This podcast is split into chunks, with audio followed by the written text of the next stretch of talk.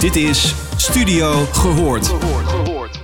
Waarin alles wordt besproken dat in menige organisatie onbespreekbaar is. Uw gastvrouwen zijn Jorine Beks en Orlie Polak. Welkom luisteraars, het is weer tijd voor een mooie podcast. Ik zit in de studio met Jorine Beks en Jelte Christ. Hij is organisatie- en veranderkundige. Vanuit zijn eigen bedrijf helpt hij bij organisatievraagstukken, loopbaanontwikkeling en teamleren. Daarnaast is hij lecturer organisatiekunde en HRM aan de Hogeschool van Utrecht. Jelte, ik heb met genoegen je boek gelezen, De kunst van het onmaakbare. Hij zit helemaal vol met plakkertjes zoals je kunt zien. En ik wilde graag dit gesprek beginnen met een, uh, ja, een mooie quote van jou. Het dominante maakbaarheidsdenken komt uit Utopia. Het zit vol illusies en valse beloftes. Ja. Dat is een goede zin. Dat klopt. Althans, zo kijk ik ernaar.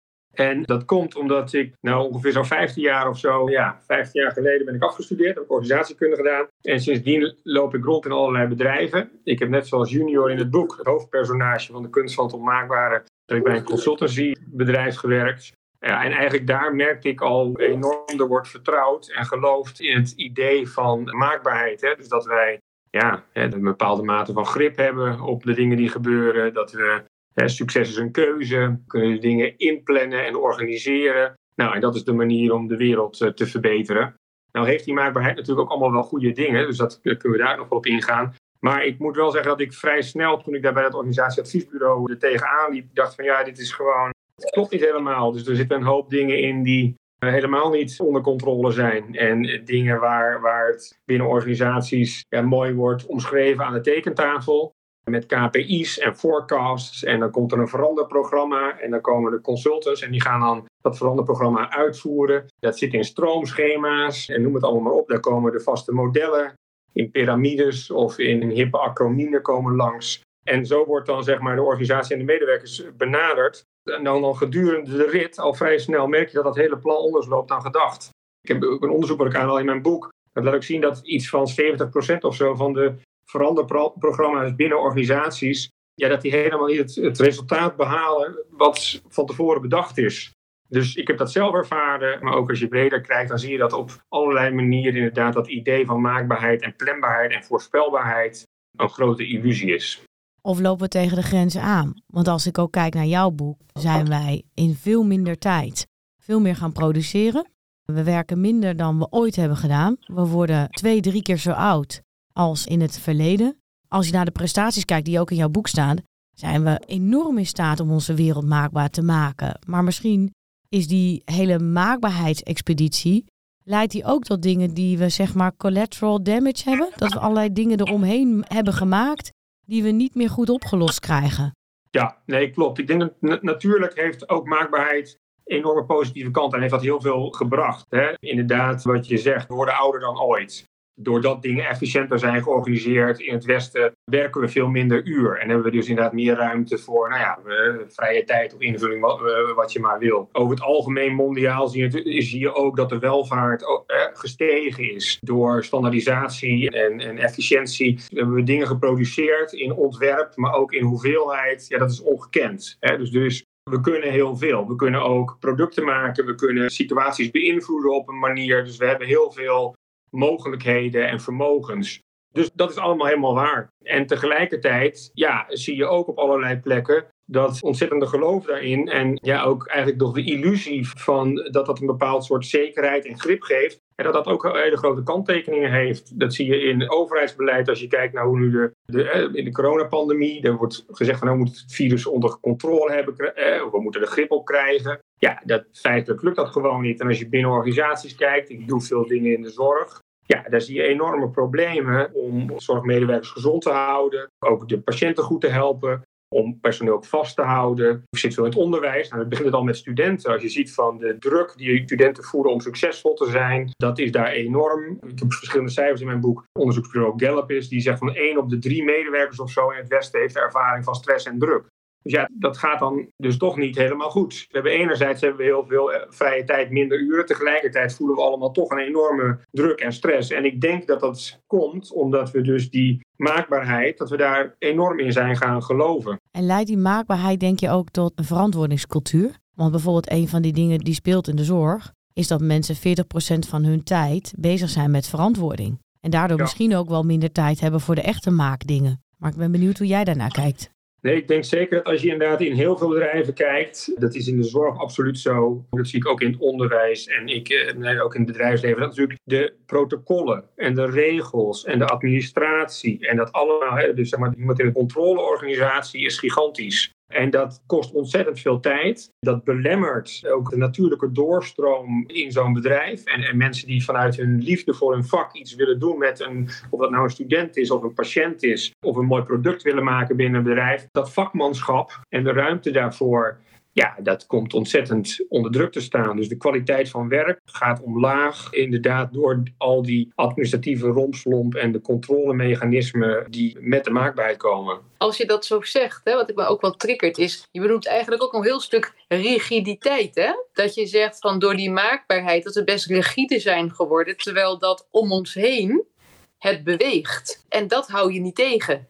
Nee, klopt. Ja. Nee, ik denk dat dat zeg maar door de ontwikkeling van standaardisatie met name hè, in, de, in de 19e eeuw eh, met Taylorism, Ja, eh, ontzettende structuren en omdat dat dan de gedachte was natuurlijk, dan wordt dat efficiënter. Dus we knippen het proces op, we laten medewerkers aan de lopende band één taakje doen en zo kunnen we ontzettend veel, nou, hè, fortjes van de lopende band houden. En dat, dat werkt ook. Maar dat is natuurlijk ook een heel rigide proces. En het heeft natuurlijk ook de menselijkheid eruit gehaald. Omdat de, de sociale behoeften, onze creativiteit en ons vermogen om te fantaseren. En dat wordt helemaal uit dat proces gesloopt. De omgeving, als die dan verandert. En op dit moment, als je ziet wat er allemaal in beweging is en de hoeveelheid. Ja, dan wordt het kunnen aanpassen daaraan of daarin meebewegen. Ja, dat is lastiger als het proces heel rigide is. Dan heb ik een filosofische vraag voor jou. Tast die maakbaarheid ook gewoon ons vertrouwen aan? Nou, kijk, het geeft een beetje, ik denk een beetje korte termijn illusie van vertrouwen. Hè? Maar ik denk wel inderdaad dat het een, een dieper zelfvertrouwen of een dieper vertrouwen in de competentie van of het nou jezelf is of mensen in een bedrijf, dat het dat aantast inderdaad. Ja, dat denk ik wel. Kijk, het is natuurlijk een soort van, kijk, als je natuurlijk een managementboek pakken of jongens van 365 dagen succesvol, die hebben dan een stappenplan en daar staan allemaal modellen in, dan ben je zoekende naar succes in dit geval. En dan pak je dat boek en dan denk je van, hé hey, ja, goh, nou zie ik die stappen. Dat geeft dan een soort van korte termijn vertrouwen. Dus zo werkt het ook als je bij zo'n mooi managementcongres zit. Dan hoor je zo'n goeroe op het podium staan, Ben Tichelaar, die vertelt een heel mooi verhaal over dat. En dan vertelt hoe succesvol het is en dat het overal werkt. En dat is allemaal prachtig. Dat geeft dan een kort moment gevoel van, oh ja, nou heb ik iets in handen, weet je wel. Oh ja, nu hier ga ik de praktijk in en dan kan ik verder. Dus dat is een korte termijn vertrouwen. Dus ik begrijp wel dat dat verleidelijk is. Ik, bedoel, ik ben daar zelf ook door verleid, dus ik word daar dagelijks door verleid. Dus dat is heel logisch. Maar het is natuurlijk de illusie dat dat echt werkt. En dan is dat korte termijn. Ja, en dan blijkt dat in jouw situatie dat jij gewoon een ander mens bent. Of dan blijkt dat jouw team een ander team is. Of dat jij in jouw situatie zijn andere variabelen, spelen andere dingen een rol. of Ja, en dan past het niet meer. Nee. En, dat, en dat maakt dan natuurlijk ook weer twijfelend. ja, de wereld verandert. Hè? Zeg je nou eigenlijk, want daar ben ik wel nieuwsgierig naar, het gaat om opties hebben, zodat je in het moment de juiste stappen kunt zetten. Want, of zeg je van nou, dat is ook alweer te rigide. Of je opties hebt eh, in het moment om de juiste stappen te zetten. Ja, nee, kijk, ik, ik ben zeker één onderdeel van de kunst van het onmaakbaar situationeel werken. Dus dat je heel erg in de situatie kijkt. Oké, wat zijn nu hier, wat is de situatie? Wat zijn de variabelen? Wat zijn de mensen? Wat is onze praktijk? Tijdsgebonden. En dat je dan inderdaad dan met elkaar gezamenlijk kijkt op basis van de kennis die we nu hebben en gezien de situatie, wat is nu de beste beslissing? Of wat is nu Mhm. de beste volgstap die we kunnen maken? Wat draagt nu bij, wat past nu bij de omgeving waar wij in zitten? En dat gaan we doen. Dus dat samen opdenken, dat is een belangrijk onderdeel van ja, wat ik probeer te stimuleren in bedrijven en ook wat ik in mijn boek beschrijf. Ruimte om te zoeken. Ja, het is absoluut. Ik gebruik inderdaad vaak in mijn, als ik ben met MT-leden of weet ik wat, eh, of, of met teamleden. Ik praat graag in woorden van prutsen, zoeken. We proberen het gewoon. Nou, laten we het een beetje aankijken. Ja, Experimenteren. past daar ook bij. Ontdekken, zeker, ja. En we hadden het over de keerzijde. Hè? We hadden het natuurlijk over de ontmaskering van die maakbaarheid. En er staat ook een andere mooie zin in jouw boek. Er staat ergens ook mooie titeltjes als We leven in een geweldige tijd. Hè? De druk drukkende plicht om succesvol en gelukkig te zijn in onze samenleving. We worden steeds verder aangezet tot meer geld verdienen en consumeren. Maar misschien worden we ook wel steeds meer aangezet tot excelleren. Tot high performance team, het beste uit jezelf halen. Alles moet 100%. En als je niet 100% hebt gehaald, dan ligt het aan jou. Aan jouw inzet en jouw motivatie. En dan lees ik allemaal prachtige cijfers van jou, waar je eigenlijk best wel ongelukkig van wordt. Hè? Over antidepressia gebruik is nog nooit zo hoog geweest in Nederland. Over het aantal burn-out coaches, over het aantal burn-outs überhaupt. Het feit dat je op je 18 een burn-out kan hebben is al bizar. Maar wat doen we onszelf eigenlijk aan, hè? Wat zijn we aan het doen?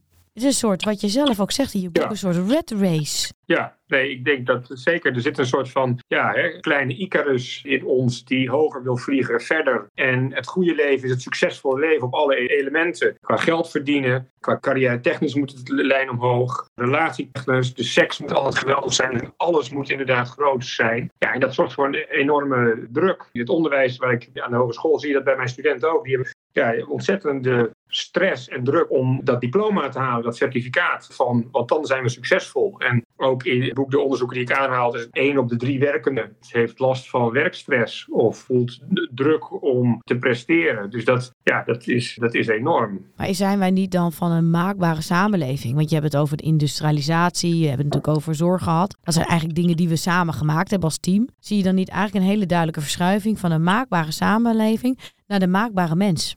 Wij moeten superhelden worden. Ja, nee, zeker. Maar ja, ik denk dat ze samenhangen. Hè? Dus ik denk dat de gedachte is, is inderdaad, de, de samenleving is maakbaar. En kijk, ik zie een aantal aanleidingen. Dus het organisatorische stuk eh, met terrorisme en Taylor, die zeg maar in dat werkproces in organisaties dat helemaal gestandardiseerd heeft en efficiënter heeft gemaakt. En in die zin dus de maakbaarheid van de productie of van het ontwikkelproces op de organisatie, wat heel veel heeft gebracht, maar dus ook grote nadelen heeft, omdat dat de boel rigide maakt en fragmentatie van het proces. Maar tegelijkertijd zie je ook natuurlijk het neoliberalisme en de meritocratie, jaren 70, 80. En die beweging in de samenleving en dat denken, en dat heeft natuurlijk het individu heel erg centraal gezet. En de gedachte dat als jij gewoon op basis van jouw verdiensten en je harde werken, als je dat doet, ja, dan krijg je succes dat verdien je ook. En dat is de kanttekening daarvan, is dat dat natuurlijk dan komt ook met van het gevoel van ik zit aan het stuur van mijn eigen succesauto. Het is de eigen verantwoordelijkheid. En als dat niet lukt, ben jij ook verantwoordelijk. En you can blame nobody. Hè? Je kan niet, God kan je niet de schuld geven. Het systeem, want jij bent degene die aan het stuur zit. Ja, dat, is, dat zorgt voor een hoop stress. Hoe komen we er vanaf? Nou, door allemaal dus dat boek van mij te lezen, dat is een goed begin. maar, nou, kijk, ik denk wel dat we inderdaad gewoon op een- hele fundamentele onderdelen, nou ja, toch een, een shift moeten maken. Dus andere waarden leidend laten zijn. Dus niet meer de waarde van, ja, van maakbaarheid en de dingen waar we het net over hebben gehad, maar meer de, de waarde van het onmaakbare. Dat het dus ook gaat om van het omarmen, dat, dus het eigenlijk waarderen van onvoorspelbaarheid en dat omarmen en aanvaarden. En ook het vertrekpunt van de complexiteit. En het- prima vinden dat er risico's zijn. En het prima vinden en het aanvaarden dat het soms ook onprettig is en, en onveilig. En dat dat dan niet weg hoeft. Maar dat, dat dat erbij hoort dat we dat moeten dragen. Ook het vertrekpunt van ja, de wereld, de werkelijkheid is holistisch. Dus de onderlinge verbinding veel meer centraal in plaats van het individu centraal. Nou, die beweging zie je natuurlijk wel, dat komt al wel. Maar in de praktijk blijkt dat toch nogal weer barstig. Je ziet wel die, wat je zegt, hè, het komt ook wel, hè? Ben je een soort vooroploper samen met bijvoorbeeld een Jan Rotmans? Nou, ik weet niet of ik mezelf nou een vooroploper zou noemen, maar ik denk, weet je wat ik wel zie inderdaad, Jan Rotmans, de professor vanuit, inderdaad vanuit Rotterdam, het transformatiekunde, het Rijnlands denken van Ja Peters, die is daar Ja. al al twintig jaar mee bezig. Dat, dat is echt een vooroploper. Maar ik sluit daar wel bij aan. En ik denk ook wel dat er een soort van stroming bezig is en dat er ook wel in bedrijven wordt er ook al wel over gepraat. Alleen het punt is dat we nog, de, omslag die moet nog gemaakt worden. Het doen, nou ja, wat jullie ook zeggen, van het is natuurlijk ook gewoon hè, een, een veilig team of psychologische veiligheid. Het is natuurlijk doen ook, hè, dat is met dit ook. Maar dat doen is weer barstig. Daar zijn we nog zoekende in. En ik denk ook Rotmans en ja, Peters overigens, maar ik hoop daar een bijdrage aan te leveren. Dat, dat we meer handvatten krijgen van hoe doen we dat dan met elkaar. Want het lijkt wel of dat nieuwe denken wat jij beschrijft, hè, als je gaat kijken naar heel die beweging toen van medewerkersgeluk. We hadden eerst die hele beweging van bijvoorbeeld eh, efficiëntie, effectiviteit in werk, hè, meer dat Taylor gebeuren. Toen kwam werkgeluk erbij. Ja, Alleen dat is nog geplot op het oude systeem. Dus wat ik jou denk te horen zeggen is: we zijn toe aan de next level. Het systeem moet anders. Ja, zeker. Dus ik denk inderdaad dat werkgeluk zit natuurlijk ook nog steeds. De happiness officer, ik vind dat nog steeds veel gestoeld op het idee van maakbaarheid. Van het, Exact, streven, ja. het streven naar geluk. En het Mhm. enige goede is dus ook geluk. En dan krijgen we een werkgelukdeskundige, omdat we dan weten Ja. hoe geluk werkt. Ik denk natuurlijk, ik wil ook gelukkig zijn en wie niet. Dat is natuurlijk logisch. Maar ik pleit in mijn boek voor dat we het meer moeten juist hebben over het, het ongeluk. En over de risico's en over de onveiligheid. En eh, in die zin volg ik Dirk de Wachter. Eh, dus het, het streven naar puur geluk, ja, dat is ook in die zin illusionair. En omdat het illusionair is, is het ook leeg. En omdat Ja. het leeg is, is het niet vervullend. Dat. Misschien het omarmen van de onvolmaaktheid. Want dat betekent eigenlijk ook dat we wat liever voor onszelf mogen zijn. Zeker, ja, nee, absoluut. Ik denk dat perfectie is verschrikkelijk. Dat probeer ik mijn studenten ook elke keer weer aan te leren. Weet je, dan hebben ze een leerdoel en dan is het leerdoel ik wil perfect worden. Ja, hou op. Nee, het wees onvolmaakt, wees dubbelzinnig. Kijk, natuurlijk kun je daaraan werken aan dan die kanten die je niet lekker vindt gaan. Maar zet niet het mes in jezelf. Dus, en ook niet in elkaar. Eh, Want dat, nou, dat maakt alleen maar ellende. Ja, mooi. De onvoorspelbaarheid. eh, Kan ik zeggen dat je zegt, ga op weg, ga op reis, ga je ding doen, experimenteren, vooral samen leren, zonder Ja. het geperst te hebben in een keurslijf van modellen. Ga op Ja. avontuur, zeg je bijna. Zeker als ik inderdaad met iemand gewoon over mijn boek heeft en die is aan het begin van zijn carrière, ja, dan is wa- wat ik hem graag meegeef, is, is een aanmoediging van hè, be- bewandel je eigen pad op je eigen tempo. Dat gun ik iedereen. Ja, zeker. Dankjewel voor deze mooie afsluiter en wijze woorden. We gaan er hopelijk allemaal mee aan de slag. We gaan op reis. We gaan rijden. Heerlijk, vrij, vrijmoedig op reis. Nou, wie wil dat nou niet? Kijk, dankjewel. Je luisterde naar Studio Gehoord. Vond je dit een leuke podcast? Laat dan een review achter bij jouw favoriete podcastplatform. Tot de volgende!